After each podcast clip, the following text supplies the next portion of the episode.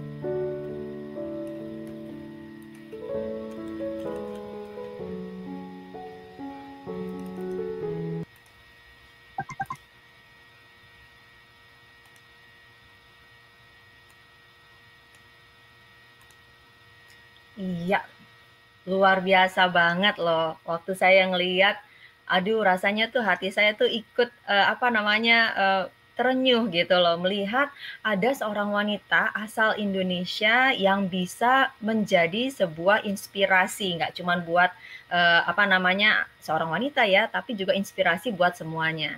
Nah, Karinggo Chang, boleh nggak nih kita tahu sedikit nih ya? Uh, Karinggo Chang tuh sebenarnya mendirikan restoran itu uh, apa namanya memang karena punya hobi memasak atau gimana sih kak? Uh, saya itu hobinya bukan memasak. Jadi hobinya saya tuh sebenarnya hobinya suka makan. Jadi hobi makan tapi bisa mendirikan restoran ya? Iya, uh, jadi kalau di waktu di Indonesia sebelum menetap di Jepang itu kan saya suka keliling uh, cari makanan yang enak. Uh, kalau kedengeran makanan yang enak ada di mana itu uh, saya datengin pasti uh, mau di tempat hmm. tertentu pun saya datengin. Nah, hmm. waktu tinggal di Jepang, waktu tinggal di Jepang kan uh, jadi kangen gitu, kangen masakan Indonesia yang pernah saya makan gitu. Uh, terus saya keliling tuh di Jepang juga cari restoran Indonesia uh, di Osaka, di Tokyo, pokoknya saya keliling karena saya ya hobinya makan gitu loh. Nah saat uh, saya keliling itu saya nggak pernah dapetin rasa yang uh, pernah saya makan gitu. Rasa yang saya kangenin tuh nggak dapet. Di situ hmm. awal mula uh, aduh gimana ya gitu. Terus kan mau pulang ke Indonesia tuh kan ya makan waktu jauh, uh, ongkosnya juga besar. Hmm. Itu tuh saya yang yang hobinya makan ini jadi stres kan, jadi stres karena uh, aduh kok nggak ada sih gitu makanan yang yang enak gitu yang yang yang saya pernah makan kangen deh makan makan bubur ayam kangen deh makan ini kangen deh makan itu gitu loh nah hmm. di situ uh, jadi ya bukannya hobi memasak kalau saya tuh nggak nggak suka memasak sebenarnya hmm. uh, sampai sekarang juga saya masaknya yang uh, simple-simple aja kayak tumis-tumis gitu kalau bumbu Indonesia kan masakannya kan agak ribet ya uh, pakai bumbu-bumbunya macem-macem. Jadi sebenarnya dan memang bukannya hobi saya untuk memasak. Mm-hmm. Itu. Jadi, Jadi awalnya tuh ya karena hob, apa hobinya makan sebenarnya.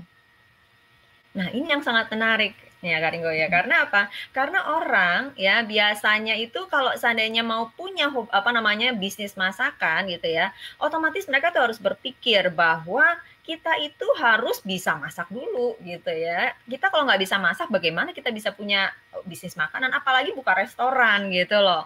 Nah jadi ini uh, apa namanya uh, sebuah mindset baru yang kita belajar dari Karingo gitu ya. Jadi walaupun nggak punya uh, apa namanya bakat memasak ya, nggak punya inian memasak ya, tapi tetap bisa. Nah gimana tuh kak caranya biar kita punya skill tersebut gitu? Apa yang Karingo lakukan?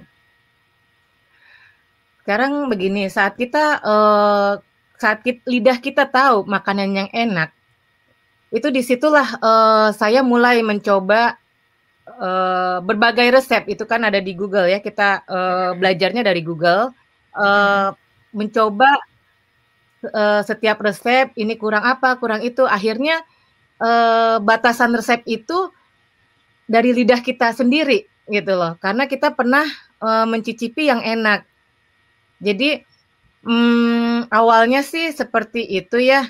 Kita, uh, karena hobi makan, tahu masakan yang enak, jadi kita tahu saat kita masak itu, ini kayaknya kurang pedes atau kurang manis atau kurang, uh, asinnya kurang.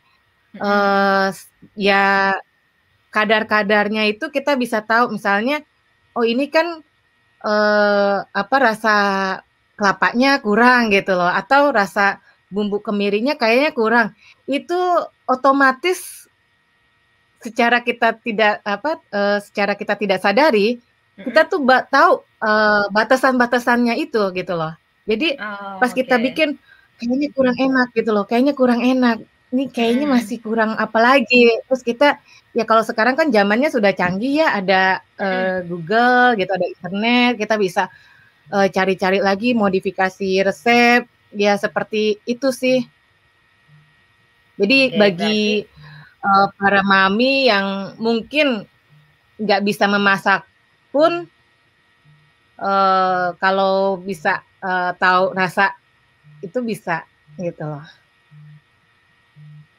Oke, berarti sebenarnya uh, ada journey-nya juga gitu ya, berarti ya. Apa namanya, walaupun kita nggak bisa uh, apa namanya masak gitu, tapi kalau kita mau, kita punya uh, apa namanya keinginan ya, di mana ada kemauan pasti ada jalan gitu ya, Kak Ringo ya. Nah ini Iya berapa tahun betul. Kak perjalanan menemukan rasanya itu berapa lama Kak?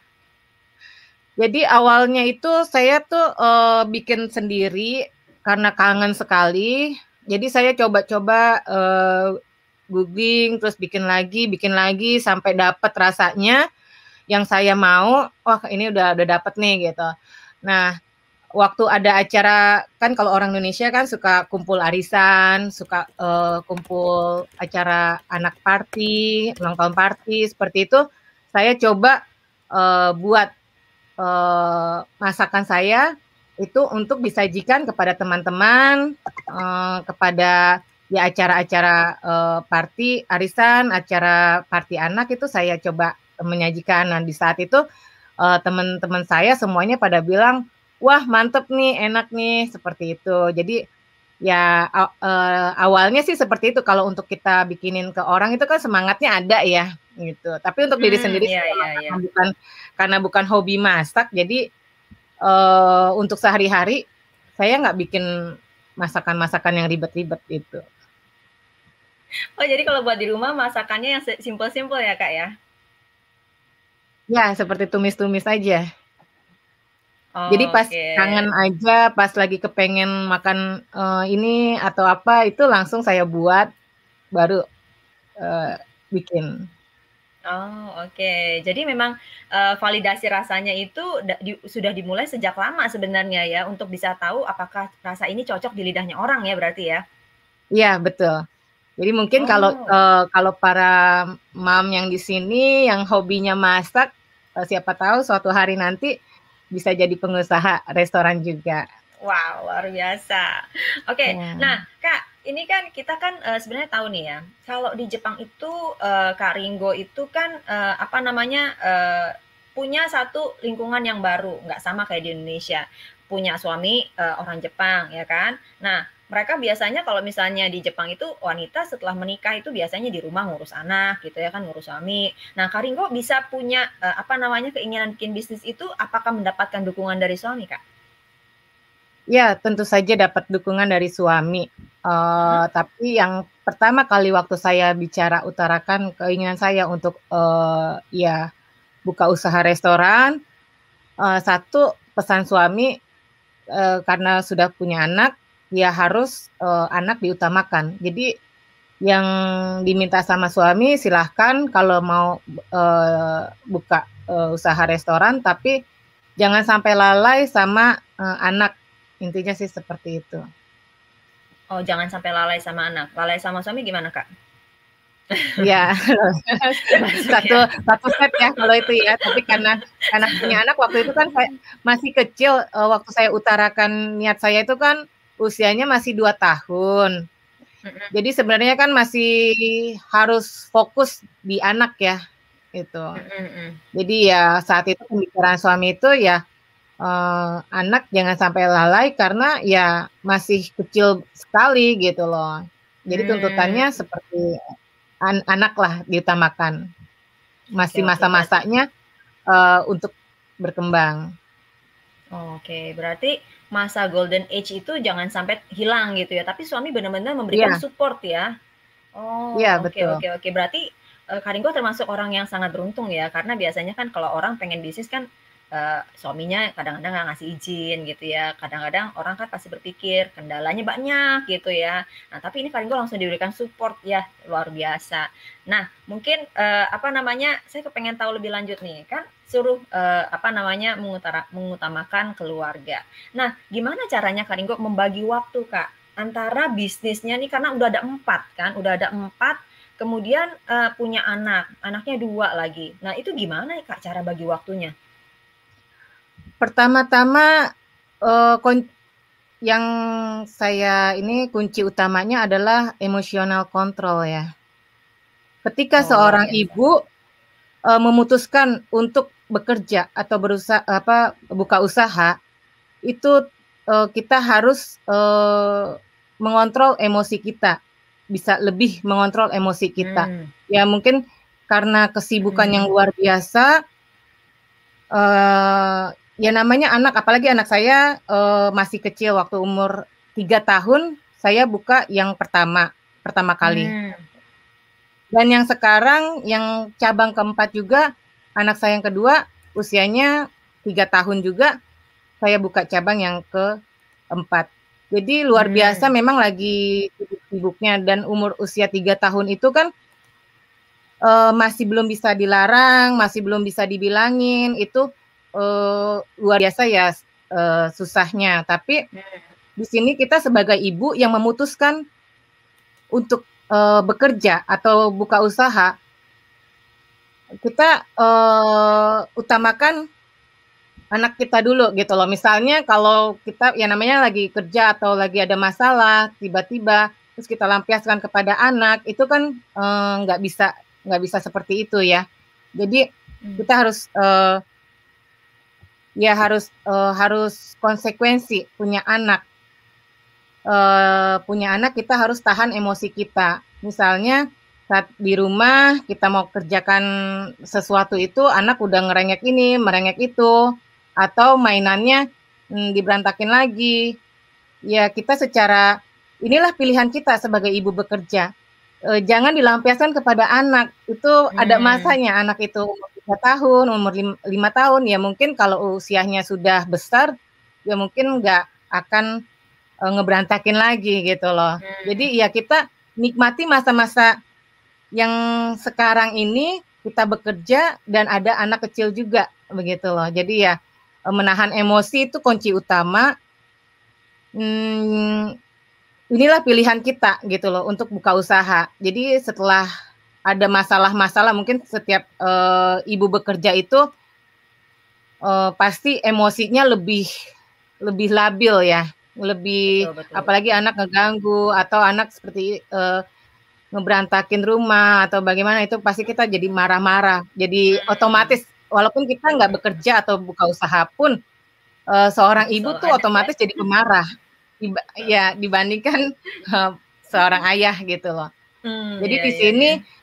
Uh, cara kita mengontrol emosi dulu ya uh, okay. pemikiran kita harus inilah suatu pilihan kita saat kita memilih bekerja memilih buka usaha hmm oke okay, oke okay. nah ini sangat menarik jadi hal pertama yang perlu kita ingat adalah uh, kontrol emosi berarti ya. Berarti kita sebagai seorang ibu karena kita sudah uh, memilih jalan kita ya, berarti kita harus bisa uh, apa namanya mengontrol emosi itu jauh lebih baik lagi, betul ya kak ya? Iya. Oke oke oke. Jadi jangan semua nah, ini, salah anaknya apa-apa salah anak uh, ini padahal kan anaknya nggak salah tapi kita marah-marah gitu ya kan mungkin karena ada masalah di luar uh, di luar rumah, terus kita bawa ke rumah, kita marahin anak, hal-hal uh, seperti itu yang saya rasa uh, tidak seharusnya begitu loh sebagai seorang ibu yang memilih. Ada yang nanya nih kak, ya. gak ada babysitter kak? Wah mungkin orang-orang di Indonesia nggak tahu nih kak, gimana tuh ada babysitter nggak tuh kak? Di Jepang ini luar biasa ya, tidak ada baby sister, tidak ada sopir, tidak ada pembantu. Jadi uh, semuanya saya kerjakan sendiri. Uh, dari ngurus anak, memasak, uh, sampai uh, nyetir, ngedropin anak sekolah, ngeles atau apa itu semua saya kerjakan sendiri. Begitu. Nggak ada baby sister nggak ada tangan kedua. Jadi uh, kalau di Jepang ini tangannya harus punya seribu tangan istilahnya. Gitu. Nggak ada yang ngebantu ya? ya benar-benar superwoman. Jadi uh, kalau saya uh, saya pikir yang buat di Indonesia bisa punya babysitter bisa punya pembantu atau sopir uh, itu seharusnya bisa menjadi wanita-wanita sukses. Hmm, oke okay, oke okay, oke. Okay. Jadi uh, kita perlu tekankan lagi nih ya para mam kadang-kadang para mam itu uh, suka uh, kalau boleh dibilang mengeluh gitu ya capek ngurusin anak, capek ngurusin suami, capek ngurusin ya pokoknya urusan rumah tangga. Nah kalau kita sudah compare kehidupan kita sama Karinggo nih yang mesti ngurusin empat buah bisnis ya, mesti ngurusin anaknya dua, nggak punya supir, nggak punya babysitter, nggak ada asisten rumah tangga, semuanya harus diurus sendiri. Bahkan kalau malam-malam masih ngapain kak biasanya? Udah nyampe rumah nih, malam-malam biasanya suka ngapain kak? Nyetrika ya? Iya, saya suka nyetrika. Jadi kalau jam 11 malam itu saya masih bangun itu masih nyetrika. Nah kalau masih eh, kayak sekarang uh, karena saya baru saja buka uh, cabang yang keempat hmm. di Sebuya, uh, jadi masih banyak yang harus dikerjakan.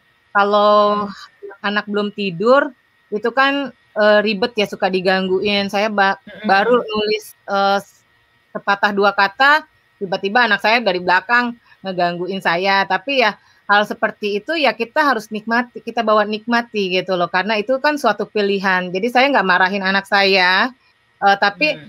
uh, pekerjaan saya yang saya tunda karena kita utamakanlah anak begitu masaknya masaknya anak sekarang ini kan belum belum bisa dikasih tahu. Jadi uh, yang nggak saya marahin, yang saya tunda adalah pekerjaan saya setelah anak saya tidur. Uh, jam 10 jam 11 itu baru uh, saya kerjakan lah gitu pekerjaan rumah kadang saya ya ngepel uh, ya kadang hmm. saya nyetrika itu setelah anak saya tidur gitu loh. Jadi ya uh, intinya sih kita sebagai ibu yang bekerja ya harus bisa memanajemen waktunya yang diutamakan kalau diutamakan kan karena punya anak ya anak harus diutamakan gitu loh. Hmm. Oke oke oke. Ini sangat luar biasa nih karena kalau misalnya kita nggak punya manajemen waktu yang baik gitu ya, udah pasti biasanya kalau nggak bisnisnya yang keteteran, keluarganya yang keteteran. Nah, tapi Karingko benar-benar bisa luar biasa gitu loh. Saya ngelihat ya eh, apa namanya di foto-fotonya juga ya gimana bisnisnya berkembang. Bahkan katanya sebentar lagi Kak Ringko pengen bikin tiga buah restoran lagi ya Kak ya di Jepang ya. Iya, uh, semuanya dalam perencanaan. Jadi uh, dari sekarang akan rencana buka cabang. Jadi bagaimana uh, kita pikirkan dari sekarang itu untuk mewujudkannya, gitu. Jadi nggak hmm. uh, tidak terburu-buru, tidak tergesa-gesa. Uh, bes yuk uh, besok buka cabang lagi, tidak seperti itu. Jadi memang semuanya itu uh, harus direncanakan secara matang. Bagaimana kita uh, untuk bisa mewujudkannya. Oke. Okay. Nah, sebelum kita masuk ke tiga cabang yang akan dibangun sama Karinggo, kita masuk ke cabang pertamanya nih. Cabang pertama Karinggo yang ada di Hiratsuka ya. Ya, mungkin Karinggo bisa cerita nih gimana apa namanya perjuangan Karinggo untuk bisa mendirikan sebuah restoran cinta Jawa yang berdiri tahun 2012. Ya.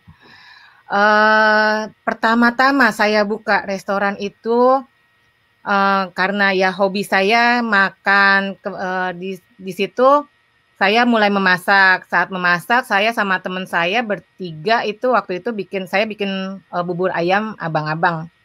Hmm. Uh, teman saya uh, lagi menghayal kalau seandainya ada uh, resto tempat Indonesia, restoran Indonesia buat kita ngumpul sambil makan, wah enak nih begitu. Hmm. Jadi uh, awal ceritanya sih karena kita ngumpul dan makan bubur ayam yang saya buat. Hmm. Kemudian saya utarakan uh, sama suami dan mendapatkan dukungan dari suami. Nah, di situ saya uh, dari dari ide sampai dibukanya Cinta Jawa Cafe yang pertama itu uh, memakan waktu satu tahun. Jadi oh, ide dari ya, uh, ya. yang pertama, ya satu tahun untuk matang saya nggak mau berpikir uh, saat saya buka usaha itu uh, saya nggak mau gagal gitu loh.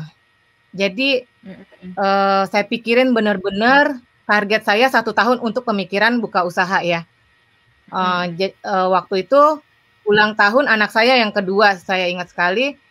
Uh, target saya hari ini saya bikin logonya dulu namanya dulu di saat ulang tahun anak saya yang ketiga itu uh, saya buka restoran Indonesia gitu. Jadi memang pemikirannya sangat uh, matang sekali. Uh, itu karena saya nggak uh, mau gagalnya karena saya nggak ada basic bekerja di restoran, bukan juga hmm. koki. Uh, sebenarnya resikonya besar sekali ya, karena kan betul, saya bukan betul, betul. saya bukan koki dan bukannya hobi masak juga, jadi eh, nggak uh, tahu yang segala macam uh, lika-liku di dunia masak ya. Dan juga buka, mm, bukan yang pernah bekerja di restoran, jadi tidak tahu sekali uh, manajemen restoran itu. Nah, wow. Nah, ya jadi dari perencanaan itu satu tahun, satu tahun saya butuhkan untuk uh, pemikiran matang dan saya mempelajari uh, semuanya sendiri gitu loh seperti uh, proyeknya itu saya gali ilmunya secara otodidak di uh, internet internet.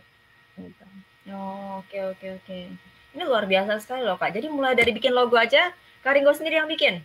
Ya, uh, karena kan di Jepang ini kita nggak bisa ya sedikit-sedikit kita minta tolong sama orang gitu loh apa hmm. atau mahal ya. Apa pun itu. apa pun itu kita nggak nggak bisa sedikit-sedikit minta tolong atau karena tidak ada saudara, ya teman oh, juga iya, ada mungkin jauh-jauh ya uh, hmm. bukan bertetangga.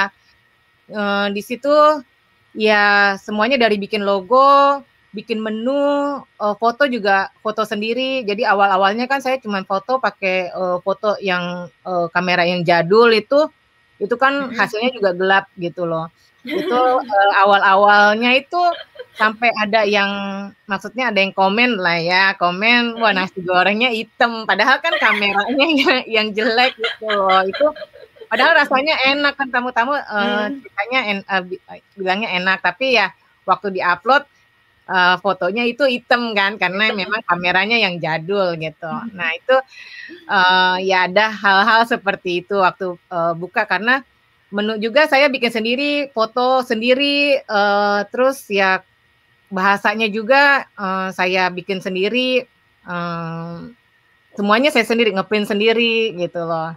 Udah. Waduh ini benar-benar superwoman berarti ya. Jadi kalau iya. misalnya yeah. para mambis ini nih masih ada yang ngeluh nih, coba dengerin lagi deh sama kehidupannya Karinggo nih ya. Karinggo ini luar biasa banget loh. semuanya dikerjain sendiri. Ya, jadi mulai dari bikin logo, ya, bikin foto, bikin resep. Nah, kalau misalnya boleh tahu nih Kak, kan Karingko tuh kalau dilihat tuh desain-desain uh, dalamnya tuh kan uh, banyak kayak bambu-bambu gitu ya. Kemudian ada kayak apa namanya? kayak uh, apa? yang kayak rumput-rumput gitu Kak. Itu benar-benar apa namanya Karingko cari di Jepang atau ngambil dari Indonesia Kak? Ya, itu saya ambil dari Indonesia. Uh, jadi waktu itu kan saya udah ngayal kan, pengen punya hmm. restoran. Uh, terus saya desain sendiri tuh, uh, saya sketch sendiri, kayaknya ini seperti ini loh restoran saya gitu loh, udah ngayal-ngayal sendiri. Kemudian saya cari-cari barang tuh, mulai cari barang di internet, uh, cari uh, barang yang untuk restoran. Nah, waktu itu pengiriman saya cek kan tiga bulan pakai hmm. kontainer dari Indonesia ke Jepang. Uh, jadi cari-cari barang itu eh, enam uh, bulan sebelumnya, enam bulan sebelum buka saya cari barang pengiriman tiga bulan, uh, bahkan uh, tempatnya saja belum dapat, tapi saya udah udah beli barangnya dulu. Iya. uh, terus konsepnya sendiri awalnya kan saya mau buka uh, restoran sambil uh, penjualan interior Indonesia gitu, furniture, hmm, interior, yeah. handicraft itu awal konsepnya saya. Jadi uh, sekalian karena saya bawa dari Indonesia, itu saya pengen sekalian jualan dan uh, inilah contoh uh, interior Indonesia, handicraft Indonesia adanya di restoran saya gitu. Jadi sambil sambil memperlihatkan, sambil niatnya sambil jualan juga sebenarnya gitu. Hmm, nah, cuman kendalanya banget ini ya. Ya, Cuman kendalanya waktu di uh, ya kendalanya banyak sekali ya untuk jualan uh, semacam handicraft interior Indonesia itu uh, masalah dari kualitasnya uh, hmm. untuk dijual di di Jepang itu masih kalah jauh itu yang sangat disayangkan. Jadi uh, untuk bisnis yang tambahan itu nggak bisa jalan lah gitu. Hmm, okay, okay. Ya mungkin ini pekerjaan juga untuk uh, orang orang Indonesia uh, supaya lebih memperhatikan uh, kualitas uh, barang yang akan dijual supaya tidak mengecewakan. Seperti saya beli uh, kursi kursi ya kursi kursi juga dari Indonesia itu satu bulan hmm. dipakai uh, jebol. Waduh. Iya, Kenapa jadi bisa papannya nggak ada, cuman busa doang. Iya, papannya nggak ada, busa doang, didudukin tamu, Oh, oke oke itu oke. 1 bulan langsung jebol. Saya malu malu sekali ya, karena sebenarnya saya tuh ingin ingin sekali, eee, mengangkat Indonesia gitu loh, seperti iya interiornya iya iya. Indonesia.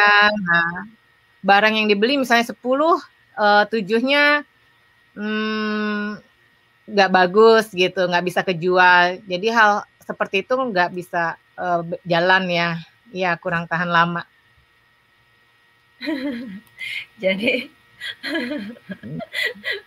pengennya sebenarnya sekaligus ya, Kak, ya, sekali merengku dayung 2, 3 pulau terlampaui ya, Kak, ya, kepengennya ya. Cuman apa daya ya, produksi barang Indonesia itu memang mungkin didesainnya memang begitu, Kak, dibikinnya sebulan biar lagi beli lagi gitu, Kak. Iya. Iya Jadi iya memang iya. apa yang, eee, buka di Hirasuka itu ya banyak, mmm, karena awalnya, eee, buka di Hirasuka saya, eee, nggak ada basic, eee, manajemen restorannya juga nggak ada, bukan sebagai koki juga, dan nggak ada yang, eee, belum waktu itu belum ada koki, eee, yang ikut sama saya, gitu. Jadi, eee, banyak kendalanya. Mmm. Nah itu, eee, progresnya Kak, eee, Ringo untuk bisa dari bener-bener nol kan ini, bener-bener nggak ada, eee, bayangan sama sekali nih untuk bisa manajemen restorannya, kemudian untuk, eee, apa namanya, eee, mungkin flow-nya barang ya, flow-nya barang juga mungkin Kak Ringo kan musti adaptasi. Nah itu bisa sampai akhirnya bisa jejak gitu, itu berapa lama, Kak? Eee, untuk jejaknya itu sekitar, eee, 6 bulan karena kita kontrol terus ya setiap hari, gitu loh. Oh, oke. untuk 6 bulan pertama itu ya jujur kacau. Dari segi rasa dari segi rasa kacau karena, eee, biasanya kan saya bikin untuk, eee, 2 orang pors 2 orang, misalnya porsi 2 orang atau 5 orang, tapi, Mhm. eee, untuk restoran kan porsinya beda, Iya eee, iya, betul.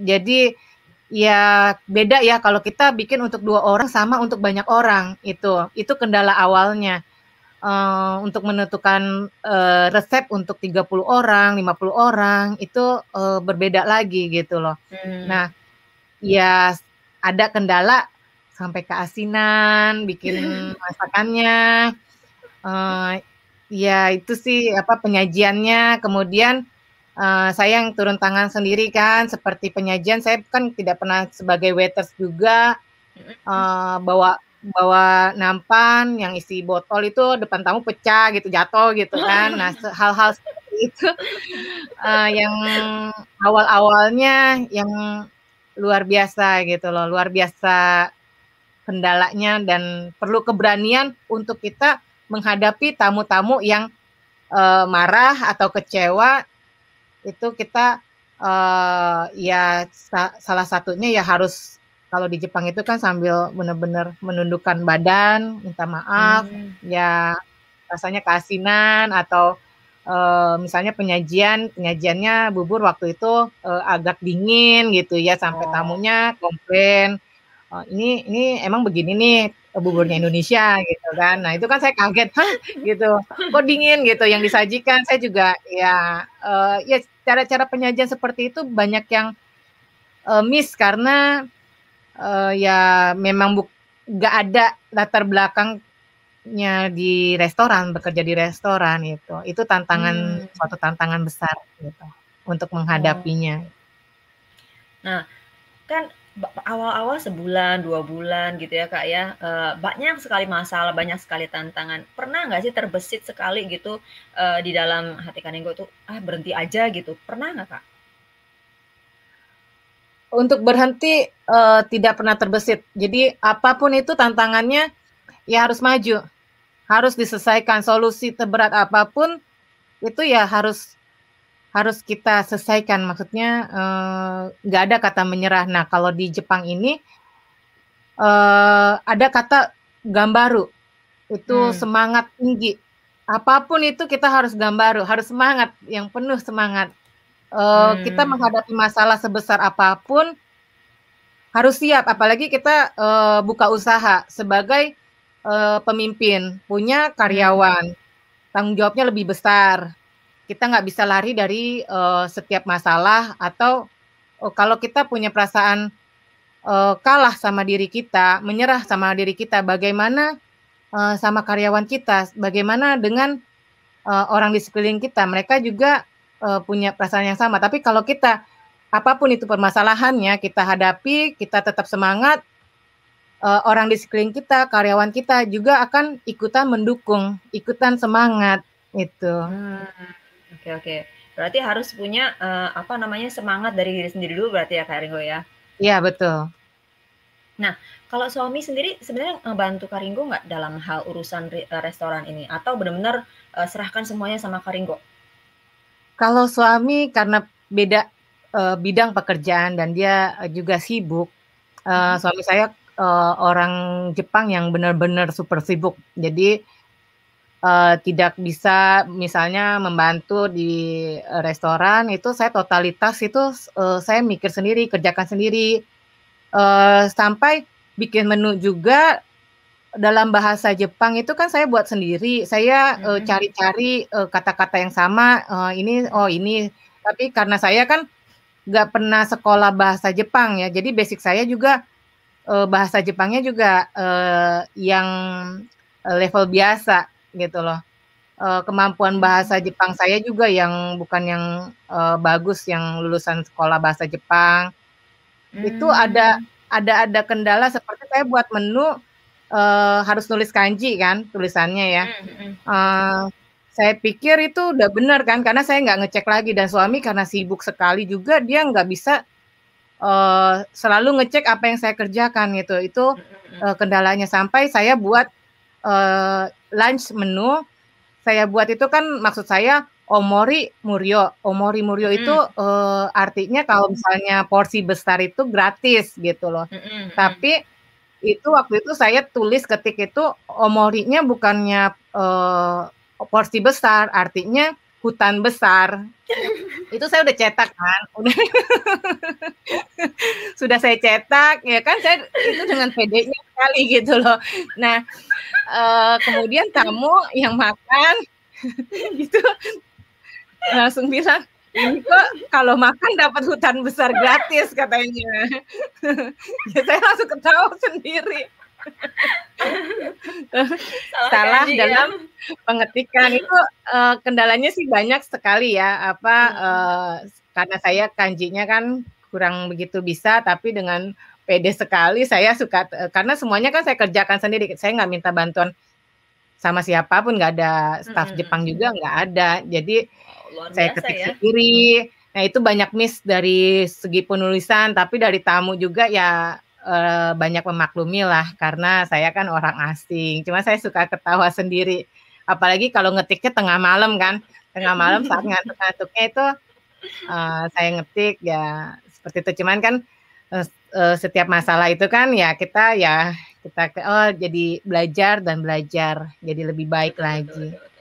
Wow, luar biasa ya. Jadi sebenarnya permasalahannya Karingo tuh nggak cuma masalah nggak punya basic memasak, nggak punya basic uh, restoran, tapi bahasa juga bermasalah ya kayaknya. Bahasa juga, ya. Kendala bahasa. Aduh. Itu saya suka pusing kalau ada yang email atau tanya-tanya sampai sekarang juga saya masih suka pusing gitu karena oh, memang gitu? kendala bahasa. Ya. Jadi sebenarnya kalau kita yang di Indonesia ini sebenarnya harusnya bersyukur ya. Kita semua nulis juga nggak pakai kanji, udah pasti benar gitu ya tulisan ya. Nggak mungkin sampai ada salah yeah. salah penulisan. Ngomongnya sama, tapi kalau di dalam kanji beda gitu ya kan. Nah sebenarnya yeah, kita sebenarnya harusnya di Indonesia tuh jauh lebih gampang ya, Karingo ya. Cuman uh, mungkin uh, kalau misalnya kita nggak mendengarkan kisah Karingo, ini kita banyak sekali yang kerjanya mengeluh nih setiap hari nih. Makanya dengan adanya Karingo, saya sih berharap ya biar banyak lebih banyak lagi para mam yang bisa lebih terinspirasi gitu ya. Ya, mudah-mudahan uh, sharingnya saya bisa bermanfaat untuk semuanya. Ya kalau di sini memang totalitas nggak uh, ada yang uh, ngebantuin, kita otomatis kita harus gerak sendiri berusaha sendiri, ya cari barang sendiri, nyetir sendiri. Hmm, terkadang di situ sih suka sedih sih. Saya ya, hmm. enaknya kalau di Indonesia bisa ada hmm. yang bantuin, mungkin ngangkat barang atau hmm. uh, ya cari barang. Tapi di sini kan saya bawa suka bawa anak saya uh, belanja, uh, ya dia suka ngikutin. Kadang belanja juga makan waktu. Hmm. Misalnya harusnya kita sendiri itu kan cepet kan, karena bawa-bawa anak itu. Uh, jadi anaknya nggak mau diem, dia lari ke sana, lari ke sini dulu gitu kan. Terus kita kejar-kejaran dulu, ya sebagai ya hal-hal seperti itu ya. Uh, cuma saya nggak bisa um, marah sama anak ya uh, kita hmm. dibawa enjoy aja intinya sih karena itu pilihan pilihan kita sebagai ibu yang bekerja uh, ibu hmm. yang buka usaha kalau bukan saya yang gerak siapa yang gerak gitu loh nah kalau di sini kan hmm, iya, iya. mau punya babysitter atau punya sopir itu kan luar biasa gajinya besar sekali gitu loh jadi ya hmm. sebisa mungkin untuk menghemat pengeluaran itu dikerjakan sendiri ya awal-awalnya itu kan ya kalau bisa ya sebagai waiters juga sendiri, sebagai manajer juga sendiri gitu, paket hemat deh semuanya sendiri. Waduh, all in berarti ya kak ya? Ya all in. Jadi kalau misalnya di Indonesia saya pikir harusnya sebagai seorang ibu itu bisa hmm, yang untuk usaha itu bisa lebih sukses dari uh, wanita Indon wanita Indonesia yang ada di luar negeri. Gitu. Waduh tapi ternyata sekarang uh, Karingo yang udah lebih sukses duluan nih. Nah, terus kan katanya kan uh, ini di sini ya uh, Karingo ini uh, apa namanya dari tahun 2012 ternyata bangunnya itu uh, di tahun 2019. Nah, kemudian satu tahun lagi berdirilah yang di Yokohama. Kemudian satu tahun lagi berdiri yang di Shibuya. Nah, ini gimana nih Kak? Kok dalam masa pandemi begini orang-orang biasanya tutup ya tokonya tuh tutup Ih, ini bukannya tutup dia malah tambah cabang gitu itu resepnya apa kak? Ya uh, untuk resepnya uh, di masa pandemi saya buka uh, dua ya yang di hmm. Yokohama Kanai dan di Tok di Tokyo Shibuya yang di di Tokyo Shibuya ini untuk mendapatkan tempat di Tokyo, apalagi di nomor satu kota Tokyo itu Shibuya ya di Jepang, di kota hmm. nomor satu itu di Shibuya. Itu sangat susah sekali. Gitu. Jadi impian uh, impian saya sebenarnya untuk punya restoran di Tokyo Shibuya. Hmm. Jadi pencarian saya di Tokyo Shibuya itu sudah uh, sebenarnya dari dari keinginannya sih dari buka cabang yang kedua gitu loh. Oh, untuk okay, okay. Uh, dapetin di Tokyo Shibuya. Tapi karena uh, yang namanya kota besar itu uh, mereka tuh uh, pasti bertahan ya. Pasti bertahan dan kemudian uh, kalaupun kita mau dapetin itu tempat itu uh, sangat susah sekali. Saingannya tuh banyak gitu loh. Hmm. jadi uh, di sini saya lihat di di masa pandemi ini yang saya lihat adalah suatu chance.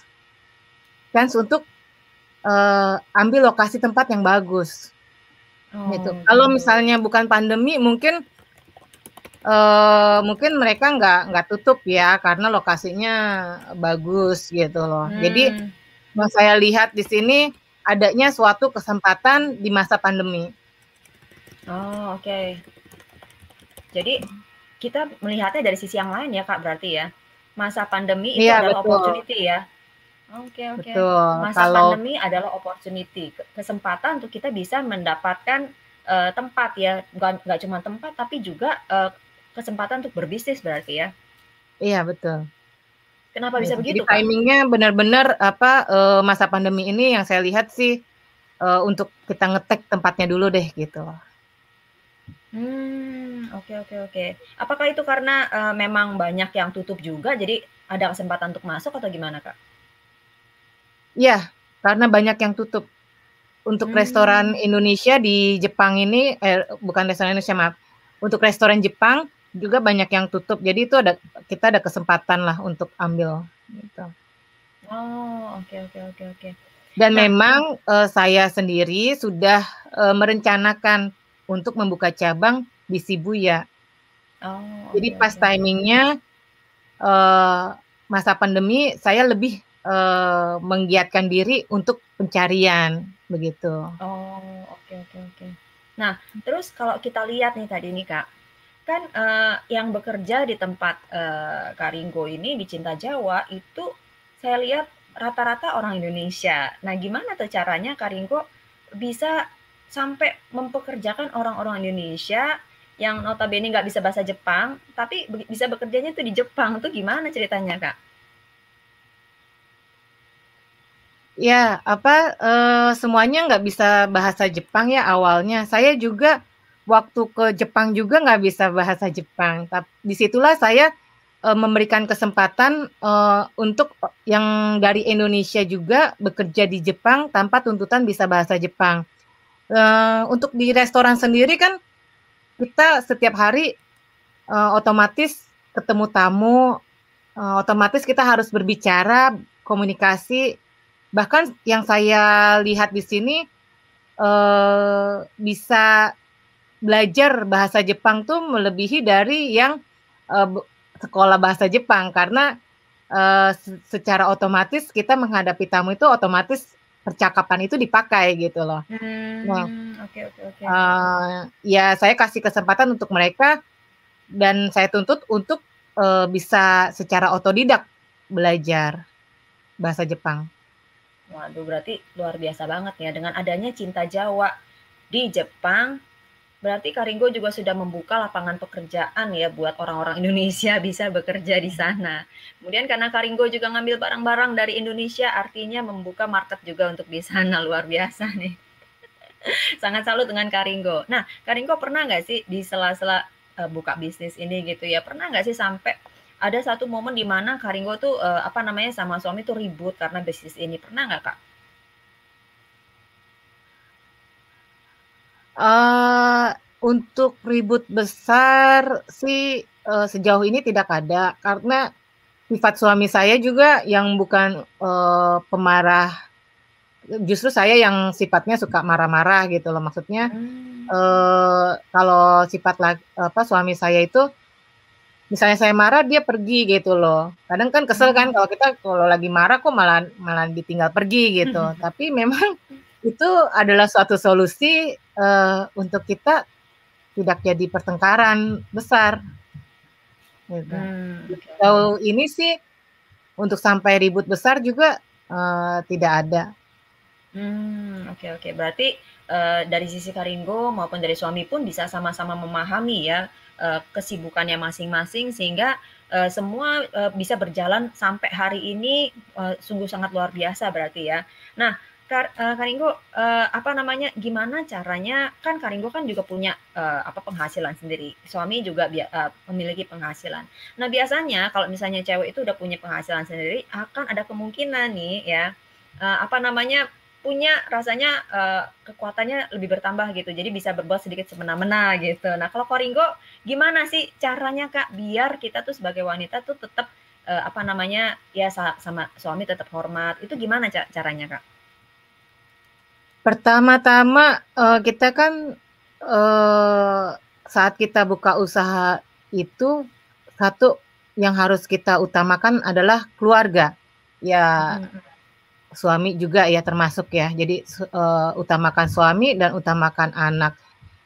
Eee, kemudian apabila kita punya penghasilan yang, eee, lebih mungkin lebih besar dari suami, itu kita dari awal kan kita bicarakan, eee, bicarakan sama suami secara keseluruhan penggunaan, eee, peng seperti penggunaan uang atau ini kita simpan untuk, eee, untuk buka usaha untuk buka usaha cabang lagi.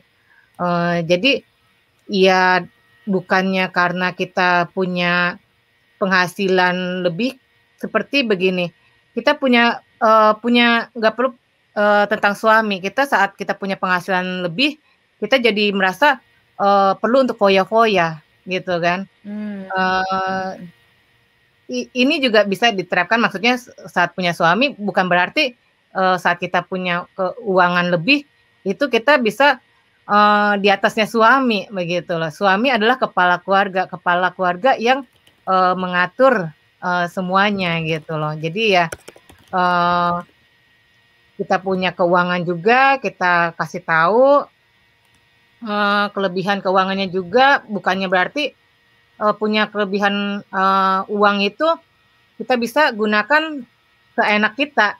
Justru uh, ada untung kita harus persiapkan untuk ada hal-hal yang seperti sekarang ini misalnya masa pandemi gitu kan uh, atau ada hal-hal yang di luar hmm. dugaan itu kita harus tetap uh, simpan. Jadi bukan untuk kita sombongkan lah intinya ya sama suami kalau uh, keuangan di uh, usaha kita lebih bagus dari suami gitu loh. Hmm. Jangan sampai saat kita terpuruk itu kita minta bantuannya kan ke suami tolong dong yeah, uh, yeah. ini uangnya kurang atau uh, seperti itu gitu loh. Jadi saya uh, kira kita tidak perlu untuk uh, merasa di atasnya suami karena uh, keuangan keluarga adalah keuangan keluarga.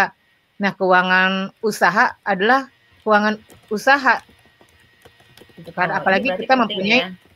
ya karena kita mempunyai karyawan uh, karyawan itu kan seperti anak-anak kita juga yang perlu kita perhatikan, kita uh, pikirkan uh, apabila kita ada masalah, uh, masalah hmm. dari uh, usaha kita, kita harus bagaimana. seandainya kita punya uang lebih, uang tabungan itu kan bisa mengcover seperti itu. Tapi hmm. kalau kita hanya merasa kita lebih wow dari suami, uh, karena beda kita harus punya pemikiran beda. Usaha ya usaha, keluarga ya keluarga, keuangan keluarga uh, ya keuangan kita memanajemen ke, uh, keuangan keluarga itu gitu loh. Nah, keuangan hmm. perusahaan yang tidak bisa dicampur sama uh, keuangan keluarga. Wow, itu berarti menarik sekali nih. Karena kebanyakan kalau dari kita uh, usaha dan bis, uh, apa namanya dan keuangan keluarga nyampur jadi satu nih ya. Nah, yeah. ini Karingko mengajarkan sesuatu yang sangat luar biasa buat kita hari ini juga ya mengenai financial. Jadi uh, melek literasi apa literasi keuangan ini penting berarti ya Karingo ya dalam hal menjalankan bisnis ya. Ya, betul. Oke oke oke. Ini uh, kita belajar banyak sih sebenarnya hari ini. Jadi uh, nggak cuman mengenai bisnisnya aja dari Karingo, tapi motivasi dan spiritnya. Nah kalau boleh tahu nih Karingo, uh, tiga uh, yang akan dibuka lagi itu di sebelah mana kak? Uh, perencanaannya, uh, ada, uh, arah areanya Chiba, uh, ya area area Chiba ke sana. Jadi kemudian area Osaka dan area Nagoya. Wow, itu jauh-jauh juga ya sampai ke Nagoya ya? Ya, jadi, uh, bagaimana mewujudkan, uh, yang jauh-jauh ini dari sekarang hmm. itu saya udah pikirkan begitu loh. Wow. Berarti nanti, uh, apa namanya, uh, apa, bisa terus menyebar ya, nggak cuma 7 ya, bisa jadi 10, bisa jadi 15 ya, Kak, ya? Mudah-mudahan setelah sudah kita, sistem uh, ya? kita mengkontrol ya, mengkontrol yang jauh ternyata kita bisa, uh, jalankan, kemudian baru, uh, kita lebih ya bisa lebih jauh dan lebih jauh lagi. Tapi, uh, semuanya itu memang, uh, perlu perencanaan matang. Hmm, oke oke oke. Wow, luar biasa sekali. Jadi uh, ini uh, saya berharap apa yang dilakukan sama Karingo ini bisa menjadi sumber inspirasi buat kita semua. Karena uh, memang untuk bisa uh, apa namanya membangun sebuah bisnis uh, sebagai seorang ibu itu nggak mudah ya Karingo ya. Karena kalau misalnya uh, seperti kata Karingo bilang uh, namanya bisnis woman sama man beda ya kak ya. kalau ya. bisnis bisnis woman uh, gimana kak? Ya, seorang ibu itu kalau misalnya bisa buka usaha itu luar biasa jadi superwoman dibandingkan hmm. sama laki-laki, uh, yang buka usaha. Kalau laki-laki bisa fokus, uh, uh, yang dikerjakan itu, uh, pekerjaannya saja kan. Tapi kalau seorang ibu itu, uh, bukan hanya peker apa, usahanya aja, tapi harus mikirin, uh, anak, keluarga, itu harus superwoman sekali gitu ya. Gitu. Seorang ibu harus mikirin uh, makan anaknya, uh, masak apa hari ini, gitu kan. Harus ikut anak yang satu uh, beda sama anak yang kedua harus bagaimana, yang satu bagaimana itu uh, pikirannya kan bercabang ya. Jadi itu luar biasa sekali sebagai seorang ibu. Tapi saya yakin untuk uh, untuk seorang ibu itu bisa lebih maju dari laki-laki karena sudah sudah biasa memikirkan banyak hal banyak dalam satu waktu gitu loh gitu jadi wow. uh, harus punya keyakinan untuk bisa lebih maju bisa hmm. uh, untuk usaha ya iya iya iya iya Ya, jadi uh, memang wanita diberikan Tuhan uh, apa talenta yang berbeda ya kayak ya, untuk bisa uh, melakukan banyak hal saat yang bersamaan. Nah, jadi kita harus menggunakan ya, talenta ini secara maksimal, betul ya kak ya? Betul. Jadi uh, kesatu juga jangan karena uh, merasa punya anak adalah suatu kendala. Itu kan kebanyakan kan para uh, ibu merasa akan ah, punya anak kan uh, repot ya. Hmm.